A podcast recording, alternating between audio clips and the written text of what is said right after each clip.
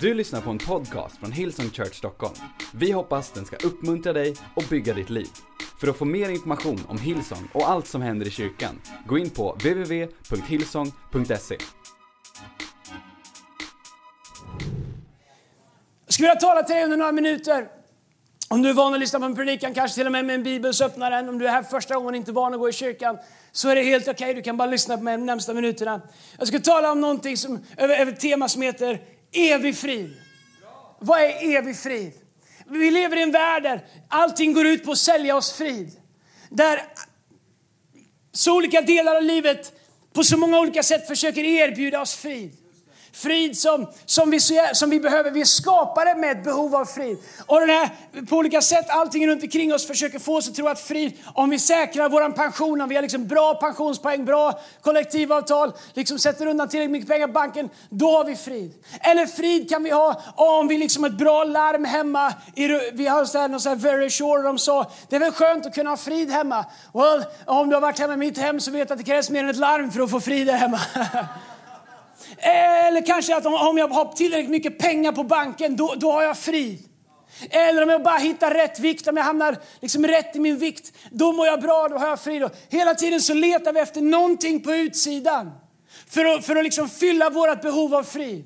Om jag bara får rätt jobb, då kommer jag ha frid. Om jag får rätt relation, då blir jag fri. Jag har inte frid. Och om du är kristen eh, så använder du det liksom som ett slags säg, ord. En del använder det för att man är lata. Hej, vill du hjälpa till? Nej, jag har inte frid över att vara med. Det kallas inte frid, det kallas latmask. Det finns inget vaccin mot det, men du kan, du kan bara bryta det ur ändå. Kristna människor älskar att använda ordet frid. Nej, jag har inte frid över det. Jag har inte frid över att vara med. Jag har inte frid över att komma. Det har inget med frid att göra. Antingen vill du eller så vill du inte. Antingen tycker du om det eller tycker du Men frid är något helt annat.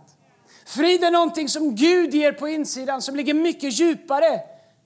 Så ofta blandar vi ihop frid med tillfredsställelse. Eller frid med, med liksom en känsla av lycka. Eller, eller vi blandar ihop frid med liksom emotionell liksom extas. Frid är något helt annat. Du kan ha frid även om du inte är glad. Du kan ha frid även om du väntar på att få ett jobb.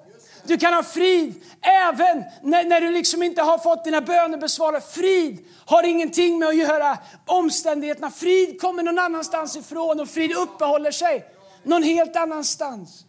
Det finns tre saker som Gud bevarar, som Gud själv håller sin hand över, som Gud bevarar och som aldrig kommer att ändras. Kanske fler, men jag tror att man liksom lite grovstucket skulle kunna koka ner det till tre olika saker som Gud själv vakar över. Det första är Guds ord. Gud vakar över sitt ord. Därför att Bibeln säger att Jesus är ordet. Johannes kapitel 1 säger i vers 1, i begynnelsen var ordet och ordet var hos Gud och ordet var Gud. Gud kommer vaka över sitt ord. Det innebär att Gud är ansvarig för vad han säger. Gud tar ansvar för vad han säger. Gud tar ansvar för timing, Gud tar ansvar för, för, för, för genomförande, Gud tar ansvar för att det är sant. Gud tar ansvar för sitt ord. Och, och i Matteus 24.35 så säger han, himmel och jord ska förgå, men mina ord ska aldrig förgås. Det andra som Gud håller sin hand över, det som Gud vakar över, är det som han har gett namn till. Och det här är väldigt intressant därför att det finns massa saker i mitt liv som Gud låter mig göra som vi får ha i våra liv som en välsignelse eller bara som Gud låter mig fine, han lägger sin tid det. Men det är ingenting som han kanske direkt har gett sitt namn till. Det innebär att det är neutralt, men Gud är inte committad till att hålla sin hand över det.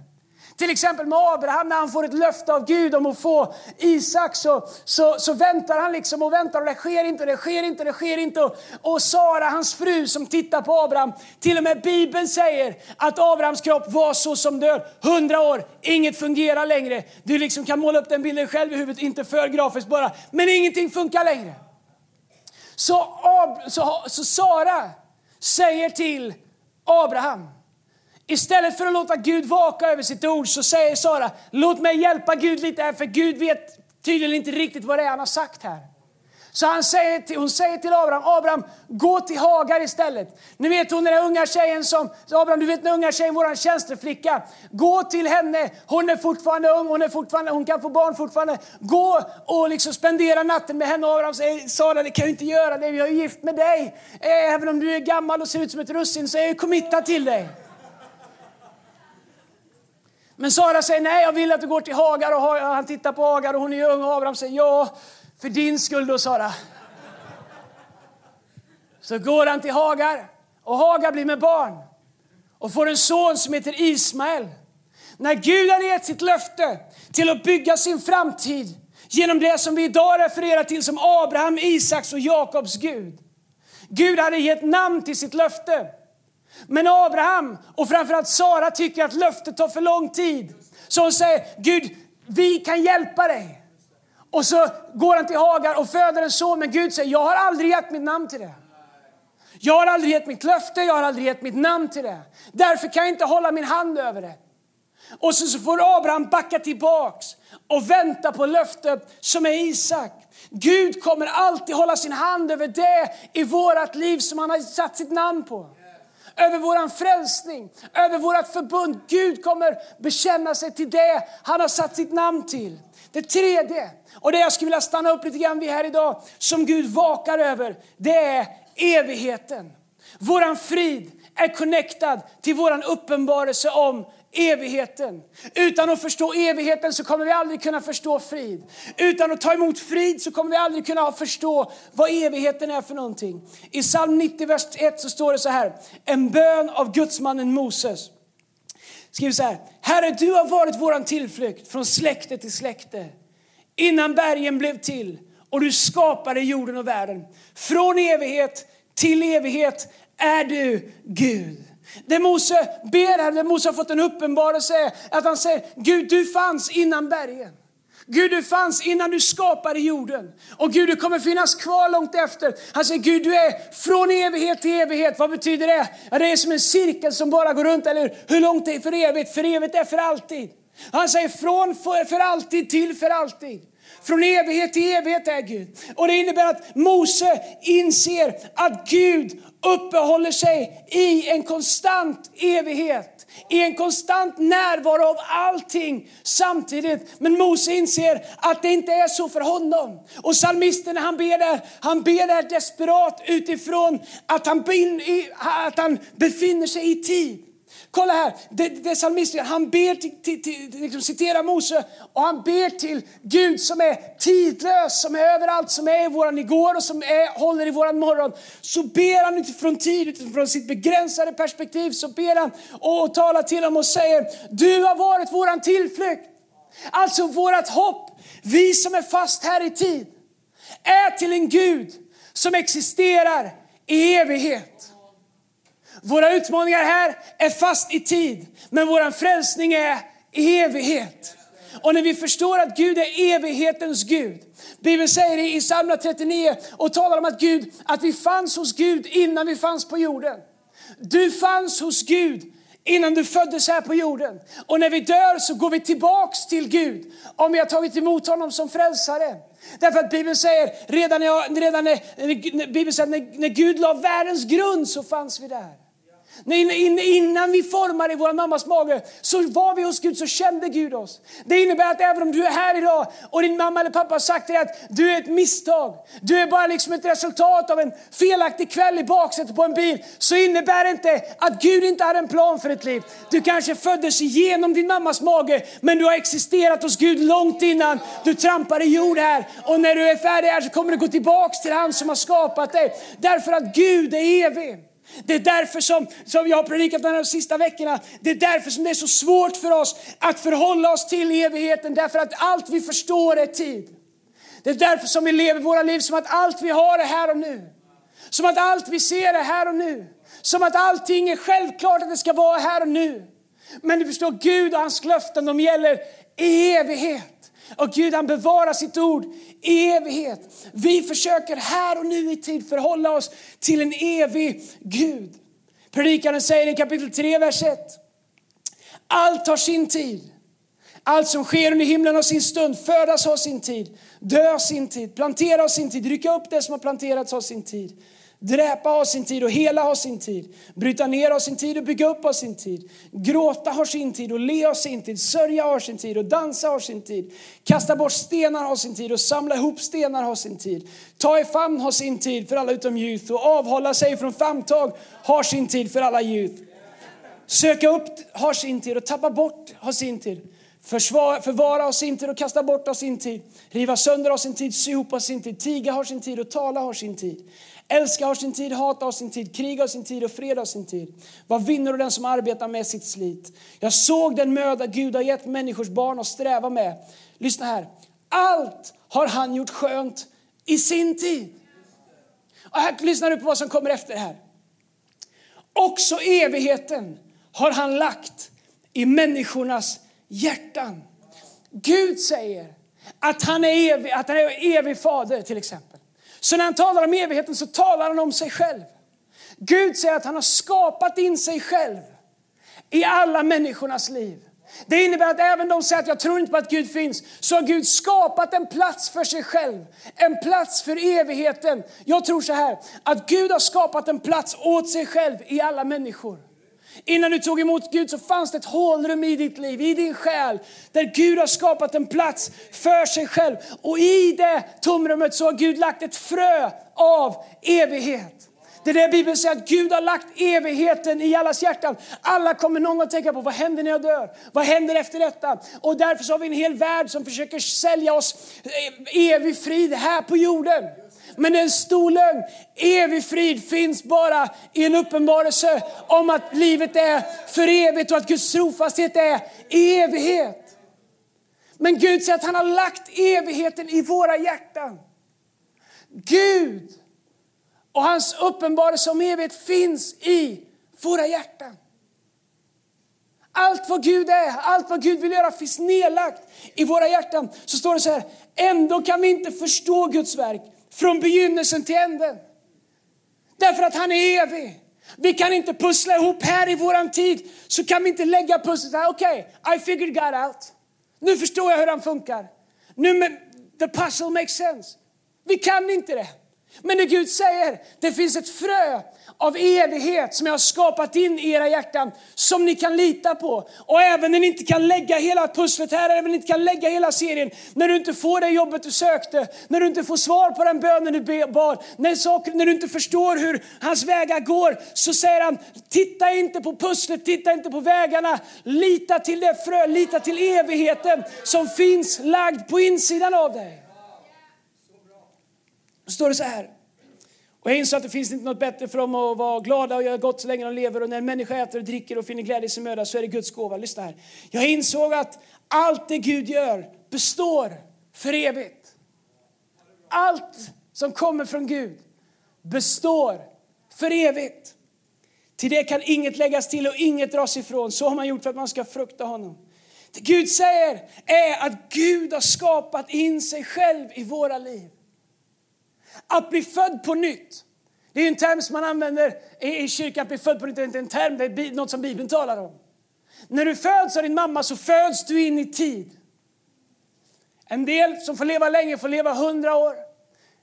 Jag var i Afrika i veckan, i det landet där medellivslängden är 52 år. En del får leva alldeles för kort. Men när vi föds av vår mamma så föds vi in i tid, men det betyder inte att vi börjar existera då. Vi har redan funnits hos Gud. Men det Gud säger är att när vi blir födda på nytt så föds vi inte in i tid, då föds vi in i hans evighet. Och det är två av de viktigaste födslarna. Vi föds här på jorden, det är bra, men det är väldigt temporärt i förhållande till evigheten. Men när du tar emot Jesus som Herre i ditt liv så säger Bibeln att du föds på nytt. Vad är det för födsel? Du föds in i evigheten. Du föds in i det som är från Gud. Du föds in i Guds löften. Du föds in i en evighet tillsammans med Jesus. Det är det Bibeln talar om, att bli född på nytt. Och när vi gör det så är det inte bara så att vi föds in i evigheten, utan evigheten föds in i oss. Och vi kan leva här i våra tidsbestämda liv, i våra liksom, vårat liv som består av minuter, timmar, dagar, veckor, månader, år. Vi kan leva här, inte med ett sånt perspektiv utan med ett evighetsperspektiv. Paulus säger att han, han, lever, sitt, han springer för att fullborda sitt lopp för att en dag när han kommer till Fadern få en krona, få en segerkrans. Vart? Inte här. Han säger han lever med ett evighetsperspektiv. Han säger nu lever inte längre utan Kristus lever i mig. Han säger att dö och vinna, att att leva är Kristus. Vad är det han pratar om? Han säger, jag vet att jag är här, men det här är temporärt. Evigheten är för alltid tillsammans med Gud. Och om vi inte passar oss så kan vi liksom förminska ner våra liv och när vi börjar följa Jesus säger Gud, nu handlar min frälsning bara om vad du ska göra för mig här. Medan egentligen våra liv handlar om vad vi ska göra för Gud här, som bär frukt i hela evigheten. Evigheten, uppenbara som evigheten, kommer leda oss till frid. Bibeln säger att Gud har lagt evigheten i våra hjärtan. Gud vill att det vi gör och hur vi lever livet ska ha ett evighetsperspektiv. När du vaknar på morgonen kan jag fråga dig, har du ett evighetsperspektiv? Har du ett perspektiv av evigheten? Gud, att det jag gör idag kan ha ett evigt värde. Tänk på alla de som har kommit hit tidigt i morse. Tågen funkar inte. En del människor har tagit sig hit ändå. Vi är lite korta i team, vi är lite korta i allt möjligt här idag. Kortare än vanligt på scen och allt möjligt. Men det finns människor som bestämmer sig för att gå upp och göra någonting som har ett evighetsvärde idag. Det du gör i livet. Du kan jobba på bank men du kan ändå, kan ändå ha ett evighetsvärde. Men du kan inte låta det vara din identitet därför att din identitet är inte bunden till någonting. Din identitet är bunden till evigheten. Okej, okay, så vad gör vi med evigheten inom oss? Och hur hittar vi friden i det? Och om jag hade fått skriva en bok i Bibeln, vilket ingen har frågat om, speciellt inte Gud, och eh, så skulle ett citat ifrån eh, Braveheart finnas med, där, förlåt, ifrån eh, Gladiator finnas med, där han säger What we do in life echoes in eternity.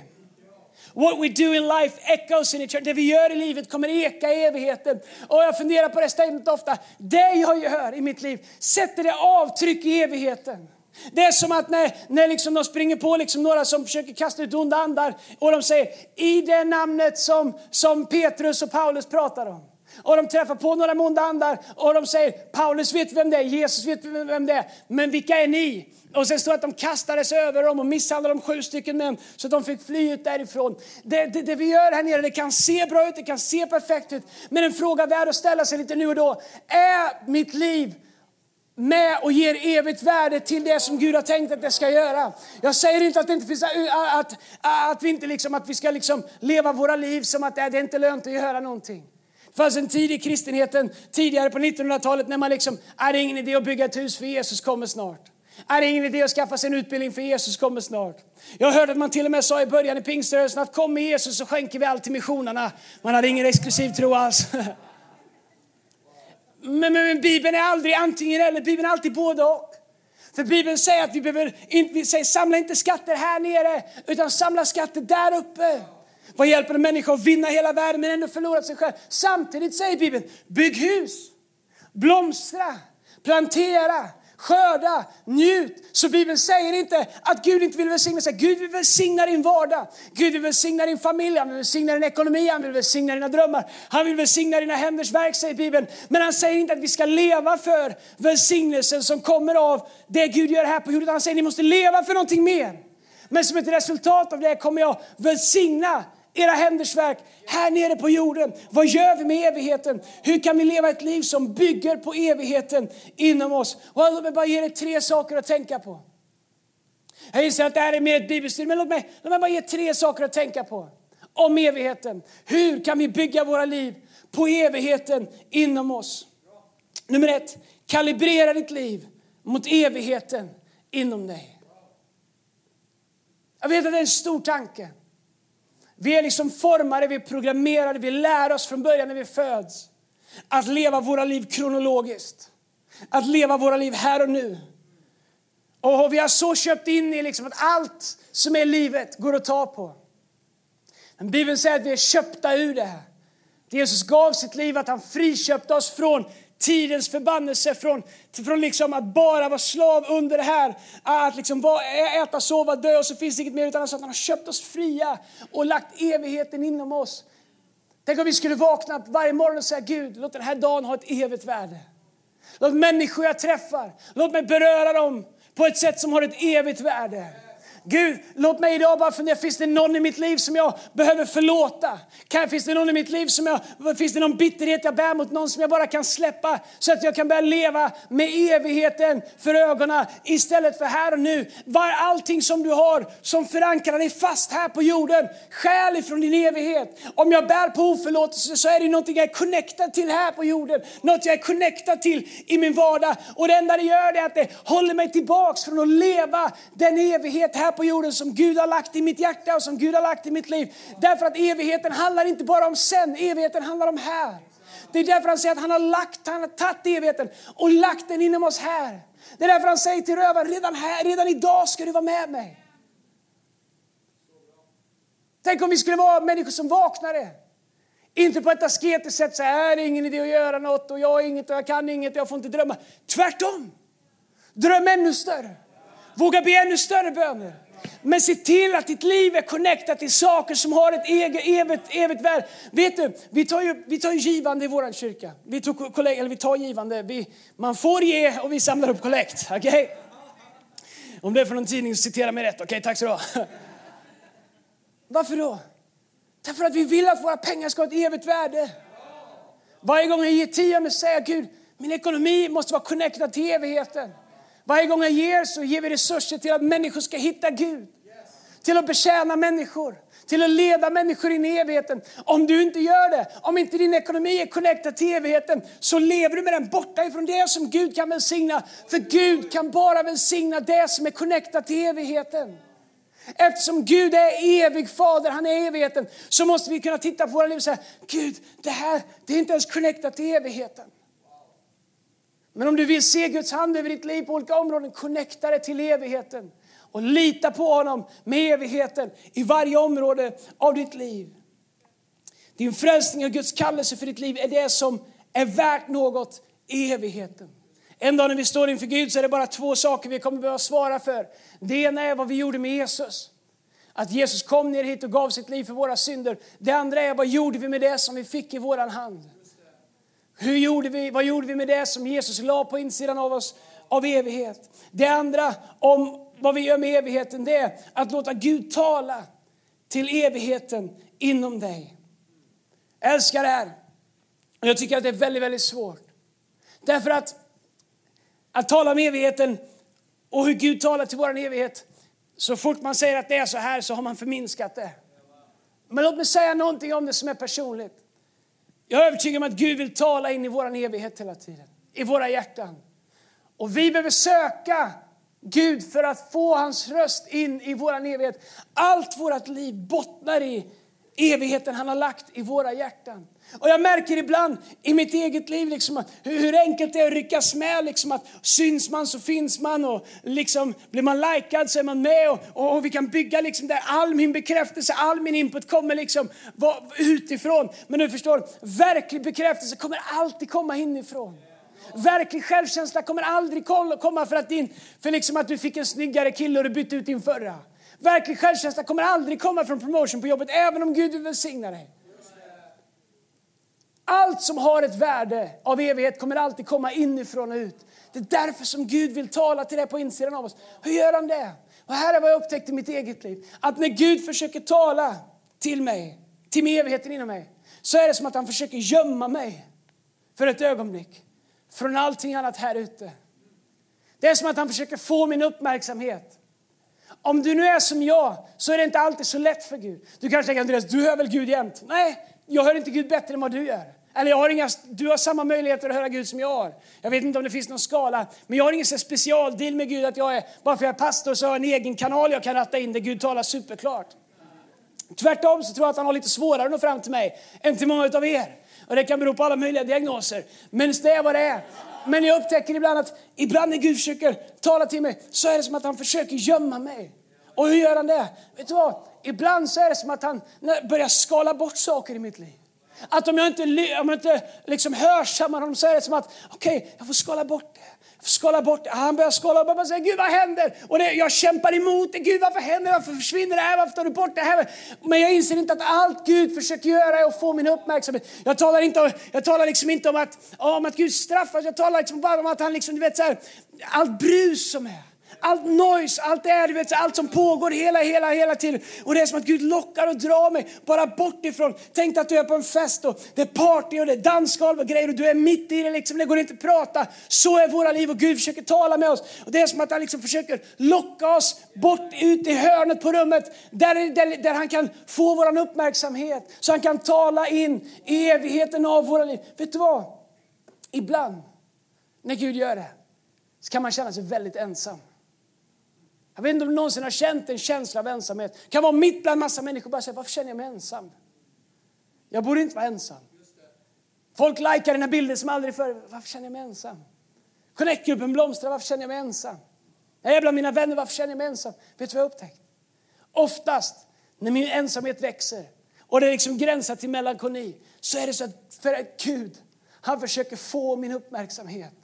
Och han försöker liksom, som man gör med ett får i en flock som han behöver liksom, jag har inte tid att tala om det men man hällde olja i ansiktet på fåren för att skydda dem mot flugor och annat, att de skulle flyga in i näsan och ögon och bygga bo och, för, och bli sjuka. Så man hällde olja, olivolja över, över lams och fårs ansikte så det bara dränkte ner så här. Och det är som att när Gud ser att han behöver liksom vårda oss eller ge oss attention, han försöker ropa på oss men vi är så mitt inne i flocken att till slut så måste han liksom börja skilja flocken och börja liksom försöka få ut oss för att få vår uppmärksamhet. Och vi stretar emot och säger Gud varför? Hey, the party is here, vad händer? Jag känner mig avskild, jag känner mig ut utanför. Gud säger, jag behöver bara få låna dig några minuter. Därför att jag behöver tala in i ensamheten, förlåt, i evigheten i ditt hjärta. Och det är därför Bibeln säger att han har lagt evigheten i allas våra hjärtan. Gud vill tala in i din evighet därför att därifrån kommer du upptäcka din frid. Våran frid är connectad till våran evighet. Och när du känner Gud, vart är min frid? Så backa tillbaks, oh, backa tillbaks till uppenbarelsen om evigheten av Kristus i ditt liv. Nummer tre, låt din frid komma ifrån evigheten. Det är omöjligt att ha frid här på jorden utan att ha en uppenbarelse om evigheten. Jag var i Uganda i veckan som var. Jag ska erkänna att jag inte är den, den missionär som anmält mig frivilligast först. Eh, just åka till Afrika. Jag känner mig lite så som en andra klassens eh, du vet så här, riktig kristen. Min fru hon har vuxit upp där nere. Mina svärföräldrar är hemma. De sjunger på swahiliska, liksom i alla stämmer som finns. Det var en sån där familj som, som åkte runt och sjöng med gitarrer. Och, du vet, där, och, och, du vet, det finns folk som berättar. vi åkte dit, vi kampade, vi sov under myggnät. Vet, jag, har, jag har inte sett fram emot den här resan kan jag säga. Gary har försökt få med mig i flera år. Jag har lyckats hitta på ursäkter. Och, och, och den här gången så bara kom han fram till mig och sa, nu åker du. Jag sa, yes sir. Och jag åkte ner. Men jag måste säga att det var jag har lite grann sett mig som en missionär till New York, LA, Miami. Det finns massa människor där som inte känner Jesus. Jag tänker det finns ju de som älskar att åka på under eh, liksom ett myggnät och brottas med malariaflugor och annat sådana saker. Och, men, eh, men, när vi kom dit så, så kan jag säga att eh, det är inte så att min längtan har ökat för att komma tillbaks, men, men mitt hjärta förändrades. Därför att när man ser människor där nere där överallt i hela världen 20 000 barn varje dag dör av svält. Idag 20 000 barn. Från mammor och pappor som önskar att de kunde ge dem. det de inte har råd att ge dem. Och vi gick till en familj genom Compassion som har varit där. Vi hjälper ungefär 55 000 barn i, genom Hillsong i Compassion. Varje år så, så skickar vi ungefär 30 miljoner i Hillsong ner till vårt arbete i Uganda. Eh, inte bara från Stockholm utan tillsammans. Vi gör ett stort arbete där nere. Det fanns en familj där som vi var och hälsade på. Eh, vi, hade, eh, vi visste om den sen tidigare, eller inte jag, men de visste om den sen tidigare. En pappa som var, jag tror han var 53 år, vilket är ett år äldre än genomsnittslivslängden i Uganda. 52 år är det som han lever i, i snitt där nere. Och, och, och, han var lam från knäna och neråt. Och, eh, han, han, var, han, han, var smed, han var så här, eh, blacksmith, han var smed helt enkelt. Han satt och gjorde så här krokar och harver och grejer, jordbruksredskap. Och han hade liksom, vi skulle kalla det en dålig utegrill, liksom, bara ett hål i marken, lite kol. Och han fick liksom inget tryck i värmen där, men han jobbade och jobbade och jobbade. Och han satt där på sina lama ben. Och han odlade eh, bananer och han kröp på sina, han kunde krypa på sina knän, på sina händer. Han kröp runt där liksom och hasade sig upp. I, och, och på, på, vet, jag bara tänkte, ingen vettig människa i Sverige hade tyckt att man behövde göra någonting om man hade den kommer. Och när vi kommer dit så upptäcker jag att han är superglad. Han är glad, han är tacksam, han tycker inte livet är skyldig honom någonting. Han sitter inte där och är bitter för att livet gav honom en dålig liksom, hand med kort. Han har sju barn. De, de fyra äldsta har han fått ta ur skolan för han har inte råd att ha dem där. Från 11 år upp så har han tre mindre barn. Och vi bestämde oss för att vi skulle ta hela den familjen ut ur fattigdom och göra det. Vi har spelat in en lång dokumentär också om det. Men när vi kommer dit och jag, vi börjar prata med honom så berättar han för mig att varje söndag så kryper, och, och, och våra compassion, folk som jobbar där berättar samma sak sak. Han kryper från sitt hem, fyra kilometer enkel väg till kyrkan varje söndag. Sen kryper han tillbaks igen.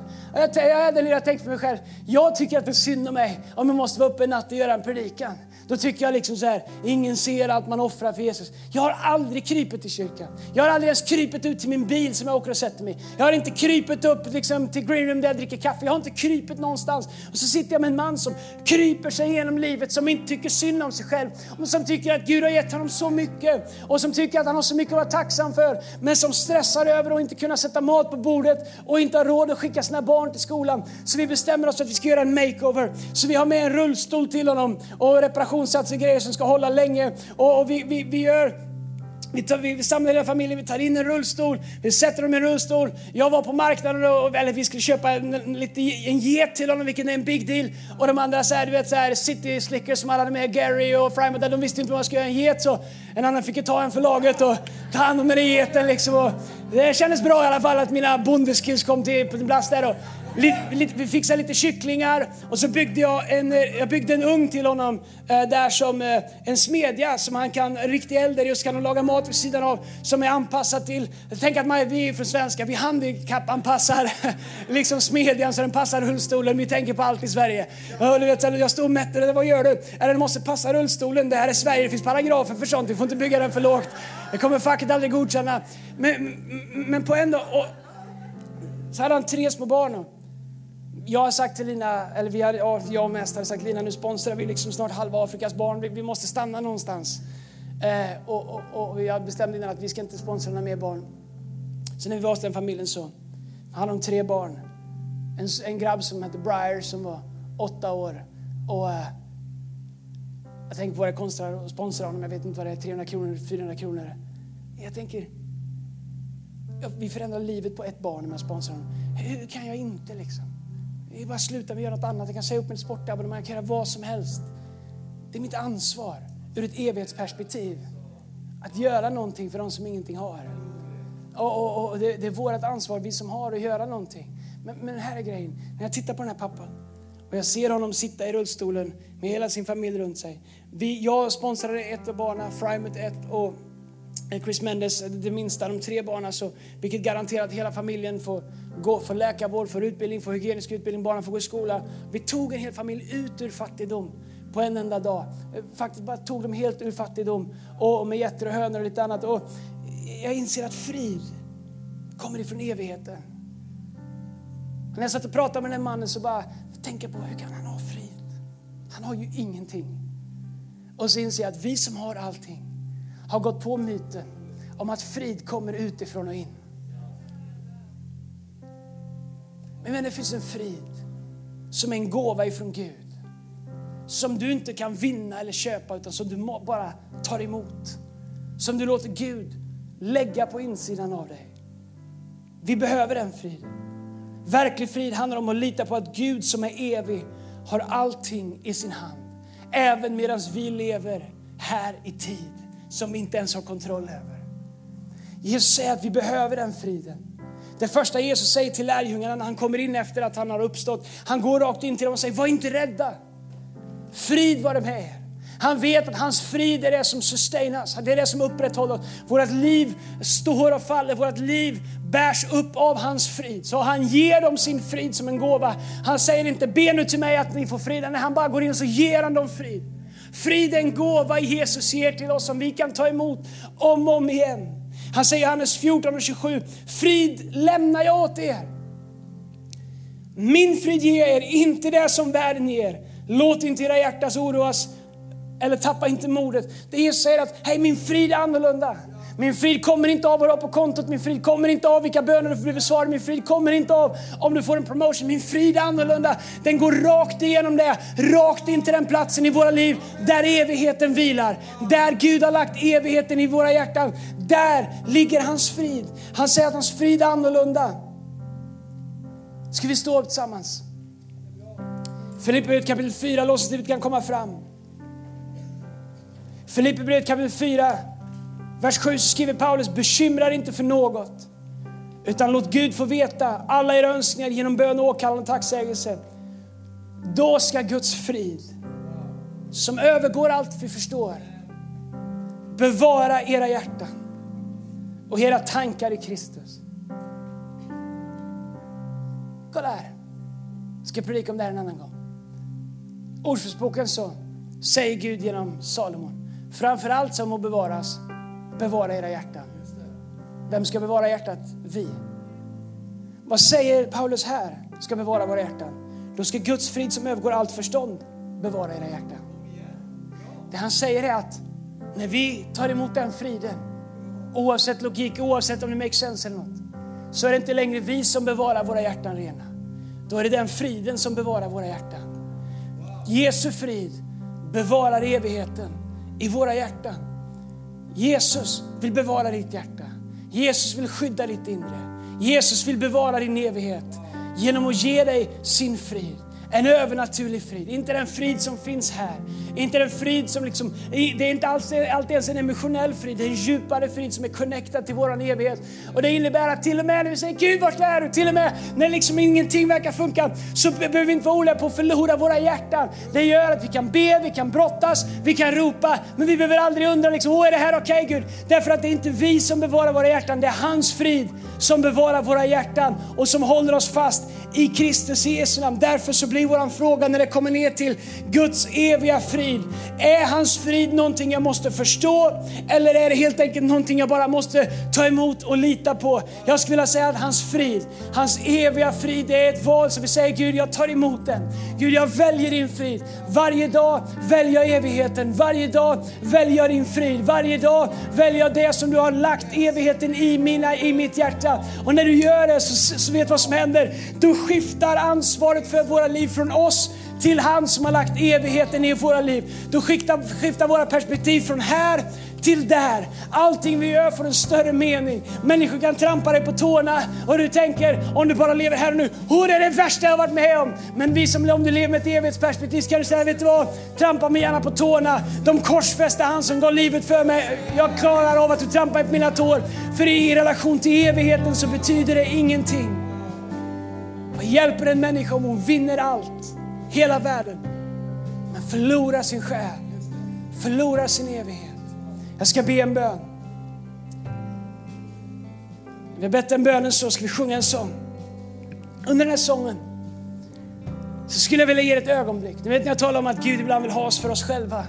För att tala in i evigheten som han har lagt i våra hjärtan. Jag tror att det finns ett ögonblick i vårt möte när Gud vill tala in i evigheten av ditt liv. Meningen med ditt liv. Friden i ditt liv. Kanske du är här idag och bara säger Andreas, jag behöver den friden. Låt honom tala in i evigheten av ditt hjärta. Låt honom ge dig sin frid igen. På nytt. Jesus kom två gånger till lärjungarna efter han hade dött. Han kom dit första gången och säger min frid ger er. Ta emot min frid. Sen han kommer tillbaka andra gången säger han samma sak igen. Min frid ger er. Vad betyder det? Att han ger sin frid om och om igen. Det är inte något som sker en gång, det är en pågående. Jesus vill ge sin frid till oss varje dag, hela tiden. Här idag kan du få ta emot hans frid. Jag talar till alla människor här så vare sig du är troende eller inte just nu. Du kan få ta emot hans frid. Jag ska be en bön. Sen när vi sjunger, glöm bort vem du står bredvid för ett ögonblick. Bara du och Gud. Låt evigheten lysa in i ditt hjärta. Låt hans röst tala frid in i den plats där han har skapat åt sig själv i ditt liv. Fader Jesu namn, jag tackar dig för din gåva till oss Jesus Kristus. Jesus, du som är Prince of Peace, du som är våran frid Herre. Herre, jag ber att du skulle tala in i våra hjärtan. Du som har skapat en plats till dig själv i våra liv, där evigheten vilar. Herre, du som säger att evigheten bor i människohjärtans bröst, Herre. Herre, jag ber, tala hopp in i evigheten. Tala hopp in i människors evighet. Tala liv in i våran evighet. Tala frid in i våran evighet just nu Du har lyssnat till en podcast från Hillsong Church Stockholm. Om du vill veta mer om vår kyrka eller om våra söndagsmöten, surfa in på www.hillsong.se.